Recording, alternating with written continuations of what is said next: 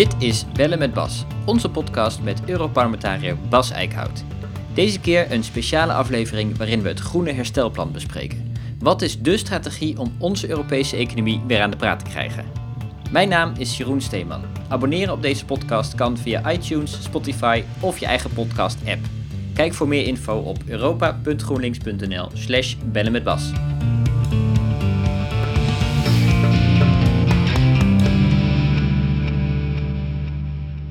Bas, vandaag een speciale aflevering die helemaal in het teken staat van het Groene Herstelplan. Ja, goedemiddag, denk ik dan, toch? Goedemiddag, ja, precies.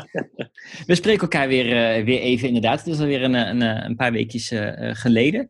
Um, Even over dat, dat groene herstelplan, om even uit te leggen. Dat is een plan dat de fractie van de Groenen in het Europese parlement uh, hebben geschreven. Met z'n allen een plan om uh, de Europese economie er uh, weer helemaal bovenop te helpen. Dat gaan we nu in deze aflevering helemaal doornemen. Ja. Maar toch even eerst, we komen net voorzichtig uit een lockdown in, in Europa. Langzaam worden overal de maatregelen wat, wat, wat teruggeschroefd. Is het niet mhm. heel snel nu om al met zo'n enorm plan te komen? Nou ja, kijk, het is op dit moment wordt het ook echt wel besproken eh, op Europees niveau. Uh, kijk, we hebben, we hebben natuurlijk uh, tijdens de crisis, hè, de, het hoogtepunt van de crisis, uh, zijn er een aantal noodmaatregelen genomen. En daar heeft de Eurogroep zich over gebogen. En nou ja, daar weten we allemaal, hebben we het ook over gehad, hoe diplomatiek Nederland zich daar heeft opgesteld, met name Bobke Hoekstra. Uh, en toen zei ik al van ja, dit is eigenlijk pas het voorgerecht. Dit is de eerste stap. Uh, dit is een, een, een, een, mogelijkheid voor landen om aan te kloppen bij het noodfonds. De Europese investeringsbank maakt dat geld vrij. Uh, nou ja, dat, dat, dat zijn noodmaatregelen die er nu direct zijn. Maar we wisten allemaal, dit, dit gaat een, een forse crisis worden. de, ja, de meest recente cijfers van de Europese Commissie laten zien dat nou ja, de economische krimp dit jaar uh, ja, toch wel historisch hoog zal zijn. En vervolgens uh, ja, moet die economie zich langzaam gaan herstellen. Nou ja, dat betekent dat er nu een discussie komt over van hoe gaat dat herstelplan eruit zien. Ja, en wat wij dan als groenen zeggen is van ja, wacht even, als wij een herstelplan gaan maken, dan is het waarschijnlijk erg slim om even goed te kijken van hoe gaan wij onze economie ook beter maken dus, dus je kan twee dingen doen. Je kan uh, blind geld storten en uh, je economie gewoon weer naar, naar boven opkrikken en verder doorgaan zoals ze altijd doorgingen. Maar we weten dat, uh, dat we nog een aantal andere kwetsbaarheden in ons systeem hebben. En ik denk dat de klimaatcrisis daar een, een nogal duidelijk voorbeeld van is. Dat dat nog gaat komen. Plus deze crisis heeft ook gewoon laten zien dat het, het verwaarlozen van de publieke sector, hoe kwetsbaar ons dat ook economisch heeft gemaakt, sociaal, sociologisch. Nou, dat, dat, dat is voor ons een reden om te zeggen, laten we, laten we, als het herstelplan besproken wordt, laten we dan ook eens goed nadenken of we niet een, een veel beter herstelplan kunnen maken. Dat, dat op korte termijn, ja, onze hè, weer werkgelegenheid creëert, economie herstelt. Maar juist ook op de langere termijn onze economie zal doen aanpassen aan de langere termijn uitdagingen. Ja, dat moet je tegelijkertijd doen. Het zou een beetje raar zijn om te zeggen, we gaan eerst weer terug naar de oude voet. En dan gaan we het nog aanpassen. Ja, en dan maar eens even nadenken hoe we verder moeten, inderdaad. Ja, dat, dat, is, dat, zou, dat zou nou geldverspilling zijn. Dus uh, laten we dat nou niet doen. Laten we nou die fouten uit de vorige crisismaatregelen niet maken. En laten we goed nadenken hoe we uit die crisis uh, willen. Ja, dan zul je daar nu met plannen moeten komen. Ja, en, en jullie hebben inderdaad uh, als, als Europese Groenen daar een plan voor uh, geschreven. Um, gaat dit plan dan ook echt daadwerkelijk zo uitgevoerd worden? Wat is daar precies de. de, de uh, wat ga je doen met dit plan? Laat ik het zo zeggen. Het staat online op onze website. Um, ik neem aan mm -hmm. dat, dat je het hebt, hebt opgestuurd misschien naar, naar de Europese Commissie. Dat het daar ergens nu op een bureau ligt.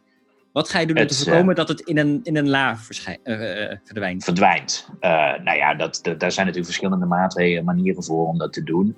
Ten, ten, eerste, de commissie is nu bezig om ook met een herstelplan te komen. Dus het is ook het beste moment om het denken binnen de commissie te beïnvloeden. En we hebben natuurlijk ook telefoongesprekken gehad met, met mensen die daarop bezig zijn. En, en hebben wij ook van, van onze ideeën, zeg maar, die, die, die voeden wij verder. Dus dat is het eerste. Je probeert natuurlijk gewoon ehm, het, het, denken binnen de Europese Commissie te beïnvloeden. Daarom moesten wij ook een beetje op tijd zijn met ons plan. Uh, tweede wat je doet is, dit is ook een proces waar het Europees Parlement zich nu op gaat richten. Uh, het Europees Parlement gaat bijvoorbeeld volgende week in de plenaire ook weer een resolutie aannemen en wil natuurlijk dat debat ook beïnvloeden. Nou ja, wat je dan gaat doen is, is zorgen dat ideeën van de Groenen ook in die uh, parlementaire resolutie terechtkomen. Hè. Dat is gewoon het parlementaire werk. Derde stap is, uh, zeer waarschijnlijk, hè, dat, dat, dat hoor je, uh, is de commissie nu toch vooral bezig om dat herstelplan te gieten ergens hè, in samenhang met het EU-budget. Nou ja, het Europees Parlement heeft zeggenschap over dat EU-budget. Dus wij gaan natuurlijk ook de plannen van de commissie afmeten aan van hoe, ja, hoe dicht komt dat bij onze ideeën. En hoe dichter het bij onze ideeën komt, ja, hoe groter de kans is dat, dat, wij, eh, dat wij onze steun ook zullen verlenen in dat Europees parlement. Dus, dus ja, je hebt allerlei uh, mogelijkheden als parlementariër om dit, dit uh, van zacht tot hard. En hard zal uiteindelijk een stemming zijn over het EU-budget. Zacht is gewoon het proces beïnvloeden. Ja, en probeer je zoveel mogelijk van de groene plannen natuurlijk in de echte plannen te krijgen. Ik ben me er volledig van bewust. Dit gaat niet 100% gekopieerd worden, hè, de, de, groene ideeën. Maar uh, laten, we ze, laten we het percentage dat gebruikt wordt zo hoog mogelijk. Ja, precies. Nou, dan gaan we nu even kijken naar, naar de inhoud van dat, uh, van dat plan. Um, daarin staan een beetje drie kernbegrippen uh, centraal. Um, dat is uh, veerkrachtig, duurzaam en, en solidair. Um, mm-hmm. Om te beginnen met, met veerkrachtig. dat gaat echt over het herstel uit de crisis, uit de dip waar we nu in zitten. Ja, precies. Dat is een, het is een term die wij uh, al kennen uit de wereld van uh, zeg maar biodiversiteitsonderzoek, hè, waarin uh, gekeken wordt naar de veerkracht van ecosystemen. Hè. Resilience is de term die daar in, de Engels, in het Engels nou, de vaktijdschriften wordt gebruikt. En, en dat is natuurlijk de, de, de kern wat je probeert, is de veerkracht van ecosystemen gebruiken om schokken op het systeem uh, op te vangen. Dus hoe veerkrachtiger een ecosysteem, hoe beter het geprepareerd is voor de toekomst. Nou ja, dat, dat is zeg maar wat, wat we uit de biologie en de ecosysteemwetenschap uh, uh, naar boven proberen te halen. Maar eigenlijk geldt het natuurlijk ook gewoon voor onze, onze maatschappij, onze samenleving. Wij proberen onze samenleving ook, die moet ook veerkrachtiger. Als je nu gewoon even, even met een afstandje gaat kijken naar de coronacrisis en coronamaatregelen ja, dan denk ik dat iedereen zich wel realiseert dat, dat, dat als er één iemand hoest in China, een paar maanden later onze hele economie op slot gaat, dan, dan heb je toch wel ergens het gevoel van dat, dat, dat is niet een, een, een, een heel erg um, ja, duurzame oplossing. Als we dat elke keer zullen moeten doen, ja, dan hebben we het echt over een, uh, over een uitermate kwetsbare manier van, van werken. Dus misschien moeten we ook echt gaan nadenken van hoe kunnen we onze samenleving veel veerkrachtiger maken, hè, weerbaarder op dit soort uh, externe schokken. Nou ja, dat, dat, dat proberen wij in ieder geval in het plan ook neer te zetten. Dat, hè, wat, ik, wat ik al eerder zei, maatregelen die moeten niet alleen puur even de economie weer op gang brengen, maar moeten die economie ook veel meer weerbaarder maken, veerkrachtiger, zodat ze beter uh, externe schokken, zoals een virus, want dit zal heus niet het laatste virus zijn dat we zien, um, dat, dat, dat de economie dat soort virusschokken ook beter aan kan. En ja, dat betekent natuurlijk ook een, een publieke sector die uh, veel meer kan hebben dan nu. Je zag in Nederland dat we eigenlijk in no time uh, dat we, dat we, dat we uh, onze, onze gezondheidszorg tegen zijn grenzen aanliep. Ja, dat, dat, maar dat laat ook wel zien dat wij als Nederland, maar dat zien we in veel Europese landen, onze gezondheidszorg veel te veel hebben uitgekleed en, en te kwetsbaar hebben gemaakt uh, voor nou, dit soort externe schokken. Ja, precies. En um, even kijken hoor, want dan, dan heb je het inderdaad over die, die, die veerkracht, zeg maar. Verwacht je dat, dat dit virus, hè, bedoel, dit gaat, mhm. wat, wat, eh, wat de wetenschappers ook wel zeggen, is van, zolang we geen vaccin hebben, is het gewoon nog niet weg. Is het daar, en zullen we rekening mee moeten houden, ook met weer uh, opflakkeringen bijvoorbeeld. Is dat ook iets wat hier dan onder, uh, onder zou vallen? Nou ja, in ieder geval wat je ook wil, is dat uh, hè, als er dan toch noodmaatregelen nodig zijn, dan hoe kun je dat eigenlijk veel beter Europees oppakken? Hoe kun je ervoor zorgen dat Europa ook beter voorbereid is daarop? Want dat hebben we natuurlijk ook gezien. Er waren heel veel nationale besluiten in den beginnen. Dat is ook niet optimaal geweest. Dat heeft eigenlijk onze economie ook meer schade gedaan dan nodig. Aan bepaalde grenzen in Europa werden de wachtrijen van 18 uur op een gegeven moment gemeten, bijvoorbeeld tussen Polen en Duitsland. Ja, dat laat zien dat, dat daar uh, we absoluut uh, te kwetsbaar zijn. Uh, dus je zou veel meer Europese coördinatie hè, op die rampenbestrijding moeten hebben. Uh, dus dat zit ook in het plan. Uh, het, het, gaat ook over hoe zorgen we ervoor dat Europa veel slimmer en intelligenter strategische voorraden heeft. Zie onze, onze totale afhankelijkheid op bepaalde medicijnen of, of, of spullen als mondkapjes van bijvoorbeeld China. Ja, dat maakt ons ook veel te kwetsbaar. Hè? Dat hebben we in de jaren van marktwerking en efficiëntie, efficiëntie, efficiëntie hebben we dat allemaal uitgefaseerd, want dat kon elders goedkoper en vaak ook met iets minder milieumaatregelen geproduceerd worden.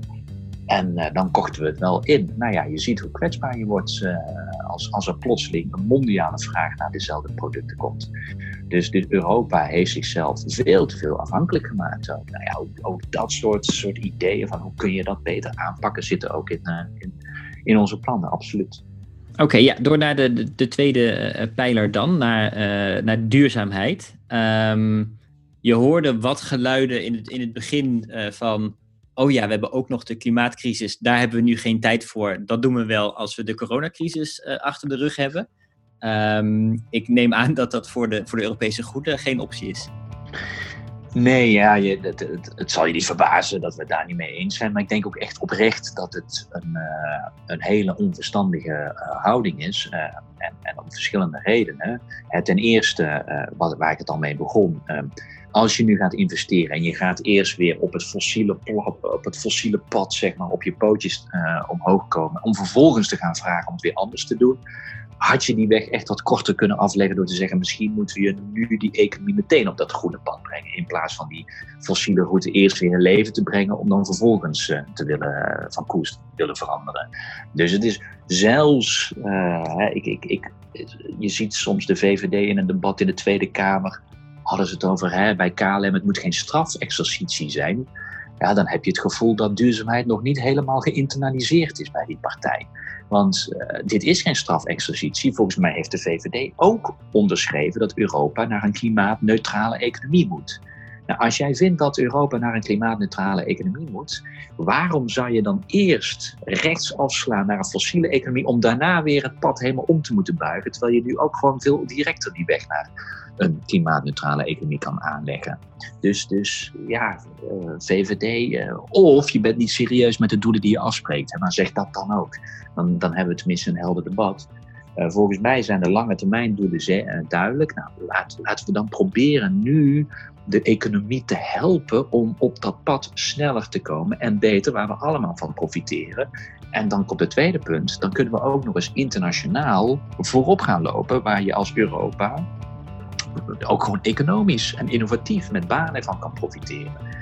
Dus uh, ja, wil je gewoon een beetje op een slimme manier uit de crisis, ja, dan, dan zul je dat op een duurzame manier moeten doen. Ja, dat is dan eigenlijk een soort vertaling. Kijk, de Green Deal, hè, daar hadden we het uh, van tevoren uh, eerder natuurlijk al over, die kwam eraan. Dus je zegt eigenlijk gewoon, die Green Deal is het instrument om de economie er bovenop te helpen en tegelijkertijd om te vergroenen. Uh, ja, kijk, even een heel simpel voorbeeld. Hè. We gaan, we gaan uh, een, een, gigantische werkloosheid zien. Dus, dus, dus we gaan echt nog, de, de, de grote economische klappen gaan nog komen. En werkloosheid zal een van die eerste, nou ja, dat is een van de eerste zaken die mensen zullen voelen. helaas. Ehm, ga even denken aan de bouwsector. Die kan natuurlijk een gigantische boost gebruiken waar veel werkgelegenheid in zit. Nou, stel je even voor, we gaan een, een grote investeringsprogramma opzetten op renovatie. Huizen nu renoveren. Dat levert werkgelegenheid op. Het levert voor mensen gewoon zuinigere huizen op, zodat de energierekening ook gewoon lager wordt, wat voor een hele hoop consumenten fijn is. En het is goed voor het milieu, hè? want het vermindert je uitstoot, dus ook je bent de klimaatverandering aan het bestrijden. Nou ja, dat is zo'n mes dat aan zoveel kanten tegelijkertijd kan snijden. Ja, dat het natuurlijk van de zotte zou zijn om dat nu niet uh, om daar nu niet je investeringsprogramma op in te zetten. Uh, en, en, en, dat kun je, en je kan dus investeren op duurzame energie, schoon vervoer, uh, de industrie koolstofarm maken, een circulaire economie, zodat je ook de aanvoerketens korter maakt en minder afhankelijk van mondiale aanvoersketens maakt. Ja, er zijn zoveel ideeën die op zich al in die Green Deal zaten, die ons zo kunnen helpen om onze economie nou op een slimme manier uit de crisis te laten komen. Ja, dat, dat wat ons betreft, uh, je jezelf echt uh, uh, een, een, hoop ongeluk zou aandoen als je nu niet inzet op een Green Deal herstelprogramma. Oké, en um, dan gaan we door naar, naar, naar solidair, uh, het, uh, derde puntje in het, uh, in het plan. Dat sluit misschien ook wel bij aan, want daarin zeggen jullie ook van oké, we gaan dus als overheid heel veel geld uitgeven om die economie er bovenop te helpen, maar daar, stel, daar stellen jullie wel eisen aan. Ja, ja kijk, en, en dat heeft inderdaad te maken met van, hè, als, je, als je banen wil creëren, volgens mij wordt het ook wel tijd dat we, dat we weer serieuzer gaan uh, investeren in bijvoorbeeld de publieke sector. Heel veel werkgelegenheid, waar eigenlijk de grootste prijs van de vorige crisis is betaald. Hè. Even in herinnering roepen, tien jaar geleden, eurocrisis, begon als een bankencrisis crisis. We hebben de private schuld van banken hebben wij als overheid overgenomen. Dus daar hebben wij een publieke schuld van gemaakt. Vervolgens heeft rechts-Europa gezegd: hoe te hoge publieke schuld, dat moeten we heel snel naar beneden brengen. Nou, dat kun je alleen maar snel naar beneden brengen door fors te snijden in de uitgaven van overheden. Nou, wat zijn grote uitgaven van overheden? Dat zijn uitgaven in de publieke sector onderwijs, zorg, sociaal stelsel. En vervolgens, uh, de facto, hebben dus mensen, consumenten, hebben de prijs betaald van de, het, eigenlijk het wangedrag van de banken waarvan we die uh, private schulden hebben gered. Dus de prijs is betaald, even heel simpel gezegd, de gewone man betaalt de prijs om de banken te redden. Nou kun je natuurlijk zeggen, goed, er waren men, hebben, mensen hebben, hebben ook geld op de banken, dus het is allemaal wat complexer. Maar de facto is dat de prijs wel die betaald is door iedereen. En dat moeten we nu voorkomen, dat we nu niet weer eigenlijk als overheid private schulden overnemen en dat wij vervolgens daar weer de publieke sector voor laten betalen. En daarom dat we ook zeggen, ja, in al die investeringsprogramma's die we nu zien, ja, je moet ontslagen voorkomen. Je moet nu geen dividenduitbetalingen doen, bonussen. Ja, sorry, maar volgens mij moet je ook proberen uh, hè, de, de, niet de, de, de rijkeren nu het geld te geven. Uh, en je moet zorgen dat die sociale hervormingen dat die veel meer gericht zijn op sociale zekerheid en het verminderen van, ja, van, die, van die eigenlijk uitwassen van het kapitalisme wat we hebben gezien, zoals we van die nuluurcontracten hebben. Nou ja, dat soort zaken, daarvan zeggen wij ook van ja, we moeten nu echt een keer uit deze crisis op een duurzame, maar juist ook op een solidaire manier. En als je die twee met elkaar verknoopt, dan creëer je hopelijk een veerkrachtige economie die voorbereid is op toekomstige crisis. Ja, want ik heb aan de andere kant ook wel uh, de stemmen gehoord inderdaad die zeiden ook hier van hé, hey, we moeten de bedrijven er bovenop helpen. Net zoals met duurzaamheid, ook met sociale rechten. Nu is niet de tijd dat de overheid nog eens een keer extra voorwaarden gaat uh, opleggen voor bedrijven die het al zo moeilijk hebben. Ja, maar dat zijn dus eh, vaak ook bedrijven die uh, forse winsten hebben en die via aandeelhouders al hebben weggesluist. En die zouden we dus dan nu uh, geld moeten geven om vervolgens later, want hè, dat betekent gewoon een grotere staatsschuld, om dan later via bezuinigingen die prijs te laten betalen. Ja, nogmaals, wie betaalt dat dan? Dat, dat, zijn, dat zijn alle consumenten die dan dus het geld betalen voor het redden van aandeelhouders. Ja, weet je, dat, dat, dat, geen mens kan dat goed praten. Dus, dus daarmee kun je ook zeggen van wij willen absoluut bedrijven redden, want die werkloosheid is een directe bedreiging. Maar dat moet je echt wel op zo'n manier doen dat die bedrijven zich gewoon gaan richten op een duurzame toekomst en ervoor zorgen dat de werkgelegenheid in stand blijft en dat het niet de aandeelhouders zijn die we aan het subsidiëren zijn. Ja, het is voor mij heel logisch dat daar nog zo nu dan wat verzet tegen is. Ja, Oké, dat, uh, dat, uh, dat zij dan maar zo. Maar uh, ja, in onze plannen is het duidelijk welke richting we op willen. Ja, er zijn ook wat, wat landen die specifiek belastingontwijking, belastingparadijzen hiermee willen, willen aanpakken. Denemarken. En ik geloof dat de, de Vlaamse Groenen dat in België ook al als een voorwaarde door hun parlement hebben gekregen. Um, in Nederland ligt dat natuurlijk een beetje moeilijk, aangezien we zelf een belastingparadijs zijn. Ja, alhoewel uh, veel van de landen die uh, gaan zeer waarschijnlijk het officiële EU-lijst van, van belastingparadijzen, die op de zwarte lijst staan. En dan heb je het echt maar over nou, iets van tien landen over de hele wereld. En dan, dan dan heb je het niet over enig EU-land. Dus, dus het klinkt natuurlijk goed, maar ook wij als Groenen zeggen, nou, maar dan moeten we nog ook wel even wat strenger kijken naar wat wij nou bedoelen qua uh, belastingparadijs. Je hebt ook grijze lijsten bijvoorbeeld. Uh, dan wordt het wat interessanter, want uh, ja, zoals Denemarken het zeer waarschijnlijk gaat doen, valt Nederland er nog buiten. Dus, dus nou ja, het brengt ons meteen weer in de discussie over wat is een belastingparadijs. Wat ons betreft is Nederland dat er zeker ook een. Ja, maar ik geloof dat de Tweede Kamer ooit een motie heeft aangenomen waarin ze zeiden, wij zijn geen belastingparadijs. Dus uh, daar is inderdaad nog een hoop over te zeggen volgens mij. Ja, ik denk alleen dat een paar partijen die daar toen voor hebben gestemd, dat nu heel erg veel spijt van hebben. Laat ik het daar maar bij houden. Ja, precies. Goed, dan komen we bij, bij uh, financiën. Dan kun je natuurlijk de, de platte vragen stellen. Wie gaat het allemaal uh, betalen? We hebben het er net al even over gehad. Hè? Dus de staatsschuld gaat waarschijnlijk omhoog. Uh, ja kan dat zomaar? Zo'n, bedoel, het, het gaat over 5000 miljard euro. Kan ja. dat zomaar? Nou ja, dat, dat wordt natuurlijk de grote discussie. Eigenlijk zul je zien dat we in het herstelprogramma twee, nou misschien drie grote discussies krijgen. Uh, de eerste is dus de, de, de, de inkleuring van, uh, van je herstelprogramma. Nou, wij, maken, wij, wij zetten duurzaam en solidair voorop. Wat je ook gaat krijgen is de vraag hoeveel ruimte gaan wij hebben voor investeringen? En de derde vraag is waarschijnlijk hoe gaan we die pijn verdelen binnen Europa? Nou ja, dat, dat, zijn, dat zijn nogal drie hete hangijzers die potentieel ook Europa weer kunnen splijten. Nou ja, ik ben er heel blij op dat wij als Groenen gewoon echt een, nou ja, een agenda weten die dus gedeeld wordt door alle groene partijen, door, uh, in, hè, van de Spaanse groenen tot de Duitse groenen die achter dit plan staan. Dus in ieder geval hebben wij, uh, hebben wij in ieder geval een, Europees verhaal weten te maken. Uh, ja, is er ruimte voor? Dan zullen we in ieder geval de strijd moeten voeren. Is op dit moment uh, staatsschuld nu het grootste probleem van Europa? Uh, de staatsschuld van Europa is op dit moment lager dan in de Verenigde Staten en Japan. En zelfs als je nu gaat kijken naar de herstelbetalingen die allemaal voorzien zijn voor dit jaar, dan, ja, dan zal de staatsschuld toenemen, maar in beperkte mate. Uh, en, en zal nog steeds lager zijn dan de Verenigde Staten en Japan.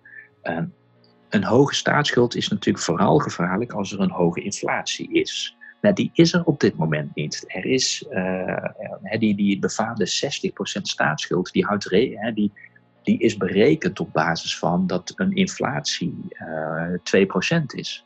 Ja, op dit moment zit die rond de 1%. Dus we hebben veel minder inflatie. Dus het is misschien op dit moment is dit uh, het moment om je staatsschuld niet als, als, als, als eerste indicator te gaan vasthouden. Nou, daar lijkt Nederland nu zo wel in te zien, maar eh, bij de eurocrisis was dat ook zo. We gingen even de staatsschuld loslaten om vervolgens keihard terug te sturen. Nou, laten we hopen dat we dat kunnen voorkomen, dat de conservatieve politici geleerd hebben, maar de eerste signalen van Wopke Hoekstra stemmen niet positief in die zin. Ik hoorde al letterlijk dat hij het al had over, over bezuinigen, hè? Over, ja. god, daar moeten we toch eens naar gaan kijken. Ja, en, en dat is dus echt, echt dan, dan ga je echt de fouten maken van tien jaar geleden. Dan ga je dus wederom nu bedrijven, ga je private schulden omzetten naar publieke schulden en vervolgens dat afwentelen op de normale consument. Uh, die dan daarvoor gaat betalen. Ja, dat, dat is zo politiek onhoudbaar en dom. Ook omdat dus economisch op dit moment staatsschuld echt niet het allergrootste probleem is uh, in de EU. Uh, maar juist economieën die uh, op dit moment ja, gewoon niet functioneren. Dan komen we ook bij het andere punt. Mochten wij nou obsessief weer gaan worden met bezuinigingen, dan ga je een gigantische clash tussen Noord- en Zuid-Europa zien. Want ja, die publieke schulden zijn hoger over het algemeen in Zuid-Europa dan in Noord-Europa. Um, als je dus op de publieke schuld weer een, een, een grote obsessie gaat maken, dan, dan zullen markten daarop reageren en zal je het risico lopen dat kapitaal wegstroomt van Zuid-Europa naar Noord-Europa. Daarmee vergroot je de crisis van landen als Italië en Spanje. Italië en Spanje, landen die dus juist heel veel belangrijke producten van Nederland en Duitsland kopen als die economie het een beetje goed doet. Wij profiteren van die landen door onze export naar die landen. Dus ja, die euro, als we er nu een tweede eurocrisis van gaan maken, ja, dan, dan, dan maken wij de prijs van de crisis alleen maar hoger. Dus dat is kortzichtig en, en niet uh, verstandig. Dus dat moet je voorkomen. Nou, dan gaan we nadenken over, oké, hoe kunnen we nu uh, Oké, je weet dus, er is wat ruimte hopelijk voor publieke investeringen, maar we zien ook dat, dat, dat er meer nodig zal zijn. Dan moet je ook gaan nadenken over nieuwe inkomsten. Uh, dus uh, dat betekent echt belastingontwijking nog harder aanpakken echt kijken hoe de winst op bedrijven, uh, die de belasting op winst van bedrijven, dat die race to the bottom gestopt kan worden. Hoe zorgen we dat uh, vermogensongelijkheid in Nederland wordt aangepakt? Dus op belastingen, dat zijn de inkomsten, kunnen we veel meer gaan nadenken. En wat we moeten proberen is dus echt via de Europese meerjarenbegroting, ja, echt proberen gezamenlijk als EU-landen uh, geld te, te, vrij te spelen voor investeringen. Ja, precies, want het is bijna dan een, geluk bij een ongeluk dat die meerjarenbegroting, uh, nou goed, dat, was, uh, dat klinkt alweer als jaren geleden bijna, maar het is uh, een paar maanden geleden, dat, daar, dat de regeringsleiders daar niet uit waren. Want dan geeft het nu een optie om die nog eens even flink onder handen te nemen. Ja, en er zijn mogelijkheden waarin je natuurlijk eigenlijk via de begroting als EU obligaties gaat uitschrijven. Hè, dus dat, dat betekent dat je dat je dus via de EU-begroting, wat gezamenlijk gefinancierd is, ga je dus ja, bonds, uh, coronabonds kun je ze noemen, uitschrijven, waardoor je dus uh, ruimte voor investeringen creëert. Nou, als je dat laat opkopen door de ECB, dan uh, speelt de ECB een rol ook om dat te, te, financieren. Um, dat kan. Je zegt van ja, het is een geluk bij een ongeluk. Ja, we zijn een beetje gedwongen om nu naar de EU-begroting te kijken. Wij hadden natuurlijk eerder in ons verhaal gezegd, ja, waarom niet nadenken over gewoon gezamenlijk meer als EU onze, onze publieke schulden financieren. Nou ja, die directe vorm van eurobonds is, is taboe verklaard. Nou ja, dan kun je natuurlijk ook de, de, uh, ja, het mutualiseren van, van, uh, van de, de kosten van de crisis kan ook via de EU-begroting lopen. Dus, en dan is het gelukkig dat we die EU-begroting nog niet hebben afgerond. Dus ja, er zijn meer routes uh, mogelijk. En omdat Nederland een aantal routes heeft afgesloten, ja, zal de EU-begroting nu een van die laatste routes zijn waarmee het kan. Maar dan zal ook daar Nederland een aantal taboes moeten loslaten. Want ja, dat betekent gewoon een groeiende EU-begroting. En dat was tot nu toe ook taboe. Maar ja, ergens zal een taboe moeten sneuvelen van Nederland.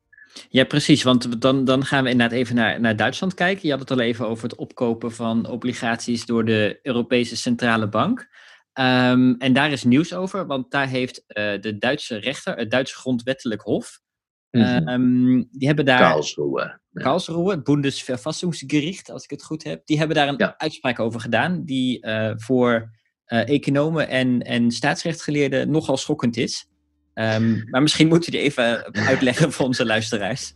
Nou, ik denk dat een hele hoop economen en, en juristen nog steeds een beetje aan het kouwen zijn op wat hier nou precies de consequenties van zijn. Even heel belangrijk, het programma waar, ze het, over, waar het oordeel over is, is niet het coronaprogramma. Dus even voor de liefhebbers, het gaat om het PSPP-programma, terwijl voor corona is er nog een extra stap gezet en dat is een PEPP-programma, dus het PEP-programma. Dus formeel heeft Karlsruhe nog geen uitspraak gedaan over de maatregelen die de ECB nu sinds coronatijd heeft genomen. Maar goed, alle deskundigen zijn het er wel over eens dat, dat ja, de ECB weer een stap verder is gegaan nu met, met de coronamaatregelen. Dus het ligt wel in de lijn der verwachting dat Karlsruhe dan ook niet zo heel positief zal zijn over de coronamaatregelen van de ECB. Ja, waar gaat het om? Ja, dit, dit, is, dit is een, het is een bijzondere uitspraak van Karlsruhe, omdat um, de ECB um, is natuurlijk een onafhankelijke bank. En die onafhankelijkheid van de ECB naar een van de landen die altijd het felst voor de onafhankelijkheid van de ECB heeft gestreden, dat is Duitsland. En met deze uitspraak uh, maken, trekken ze eigenlijk de ECB in, in een politieke discussie. Dus dat is, dat, is dat is op zich al heel interessant.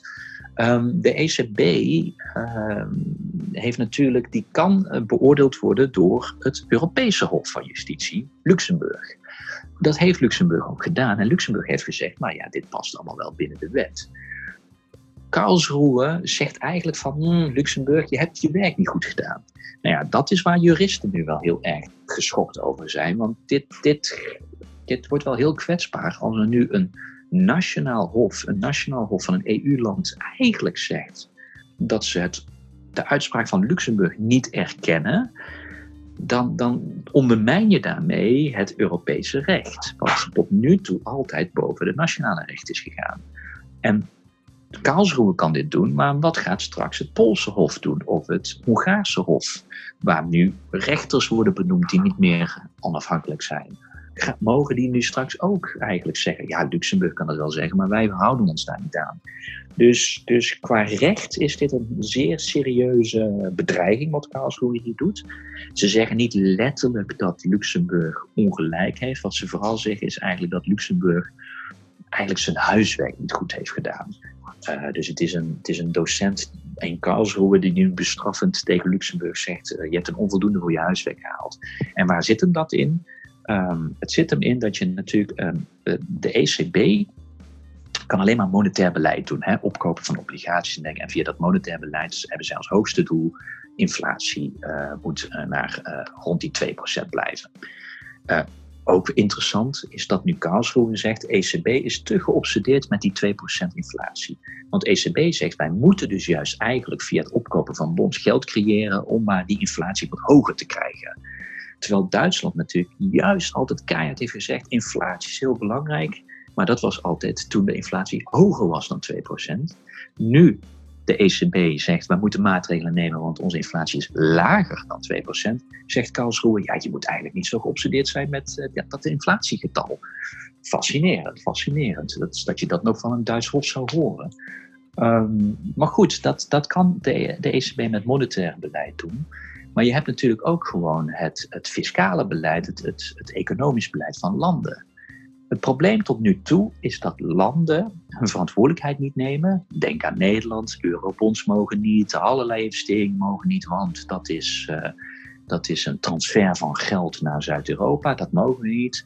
Dus stiekem dolblij dat de ECB altijd wat deed. Uh, en wat nu Karlsruhe eigenlijk zegt, en daar hebben ze natuurlijk op zich een punt, is van, oh wacht even, we gaan nu te veel leunen op monetair beleid van de ECB. Op zich is dat monetaire beleid niet illegaal.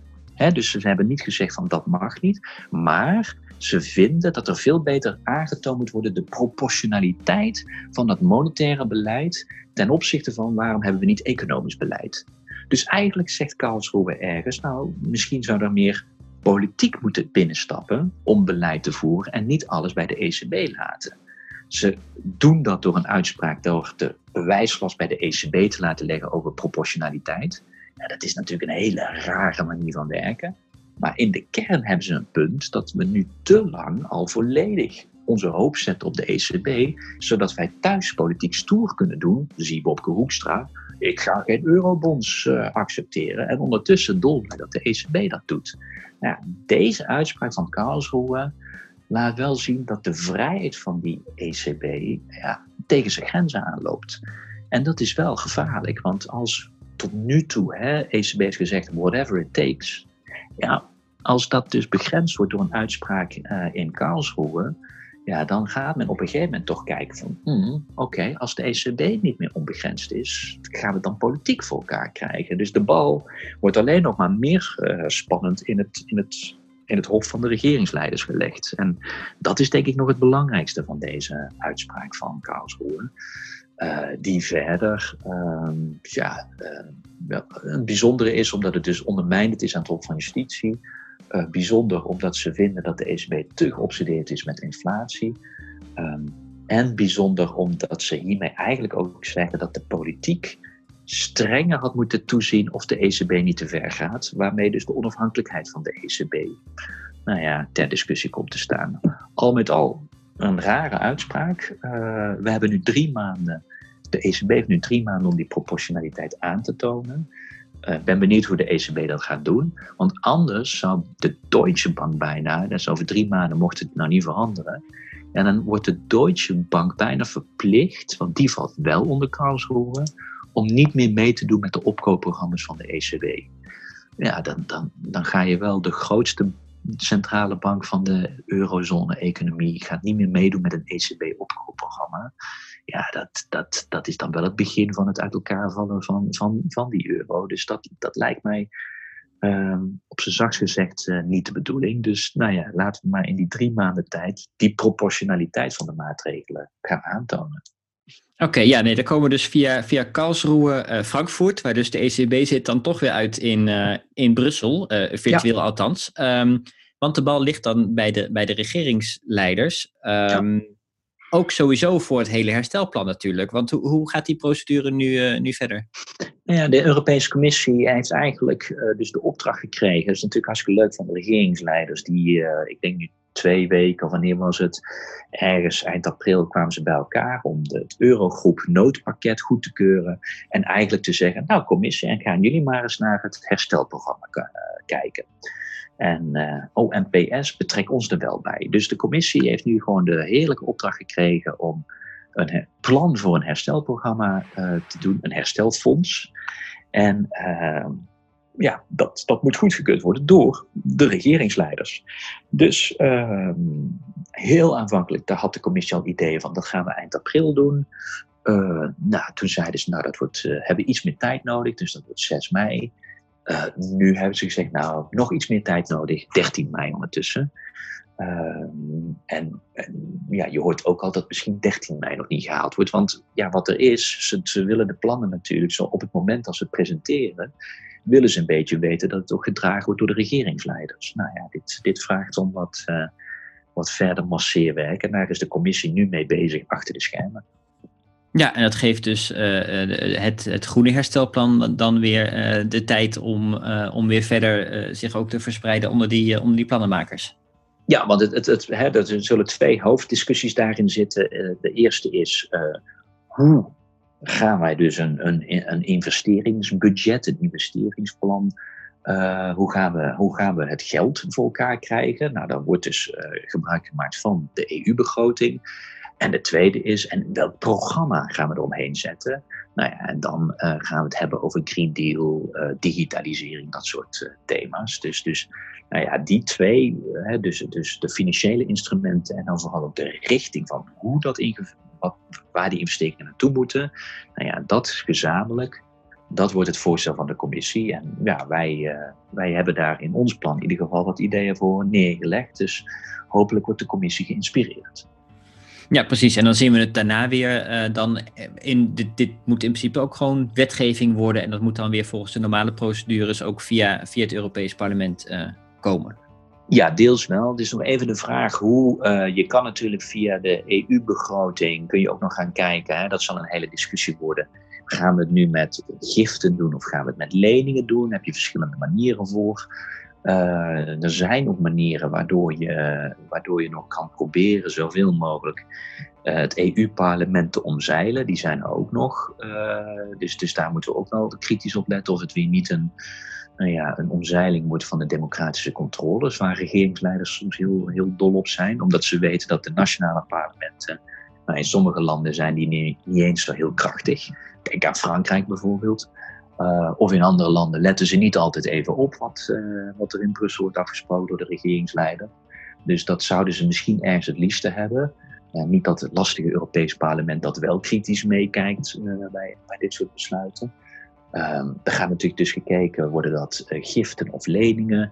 Uh, gaan, we het, uh, gaan we het voor in de tijd doen? De EU-begroting is altijd zeven jaar. Proberen we dan wat extra geld in de eerste jaren vrij te maken? Hoe gaan we proberen private investeringen ehm, aan te trekken? Om, om zeg maar meer geld te creëren? Nou ja, dat, daar moeten we heel kritisch op zijn overigens, want daar, dat wil de commissie wil nog wel eens met heel hoge getallen komen. Maar dat doen ze dan vooral door allerlei vermenigvuldigingsfactoren, omdat ze hopen dat privaat kapitaal erbij komt. Ja, in tijden van economische crisis waar we nu in zitten, zal het veel moeilijker zijn om privaat kapitaal aan te trekken. Dus de balans zal meer naar publiek geld gaan dan naar privaat geld. Dus het zomaar gratis verhogen met allerlei vermenigvuldigingsfactoren zal veel moeilijker worden. Nou ja, dat, dat, dat soort zaken die moeten allemaal straks in een plan uitmonden, wat een beetje een geloofwaardig aantal miljarden slash triljarden uh, selecteert, uh, met, een, met een kleur van waar het naartoe gaat. Nou ja, en de precieze constructie met het meerjarenbegrotingsplan van de EU, nou ja, dat allemaal bij elkaar. Ja, dat hoopt de commissie dus ergens in mei te lanceren, waarin ze vooral eigenlijk applaus willen van alle hoofdsteden, zodat ze zo snel mogelijk door kunnen. Maar het is uh, ambitieus. Ik denk dat we hier nog in mei en juni wat mee bezig zullen zijn. Oké, nou ja, we gaan het zien. Uh, we gaan ongetwijfeld dan weer, weer bellen uh, om te kijken hoe het verder, verder staat met, met de plannen. Ja, dat, dat gaan we zeker doen. En ik denk dat het gewoon telkens belangrijk is om te realiseren, al deze herstelmaatregelen, als we dat goed doen, kan daar de hele Europese economie van profiteren. En als we het dus slim doen, kan het ook een toekomstbestendige economie worden. En als er iets in het belang van Nederland is, is dat we dat doen met onze Europese economie. Want de Nederlandse economie is gigantisch afhankelijk van de Europese economie. Dus elke keer weer blijven benadrukken dat, dat dat wat nu besloten gaat worden in Brussel, juist het grootste Nederlandse belang is als we dat goed en slim en toekomstgericht doen. Dat gaan we doen. Gaan we in de gaten houden. Bas, dankjewel voor deze, voor deze update.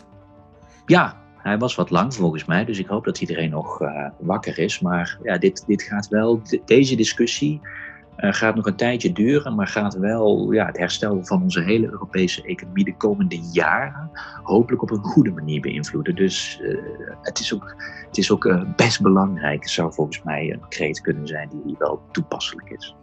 Precies. Nou, bedankt voor je, voor je uitleg en, en tot de volgende keer. Tot de volgende keer. Dankjewel. Doei. Ciao, ciao.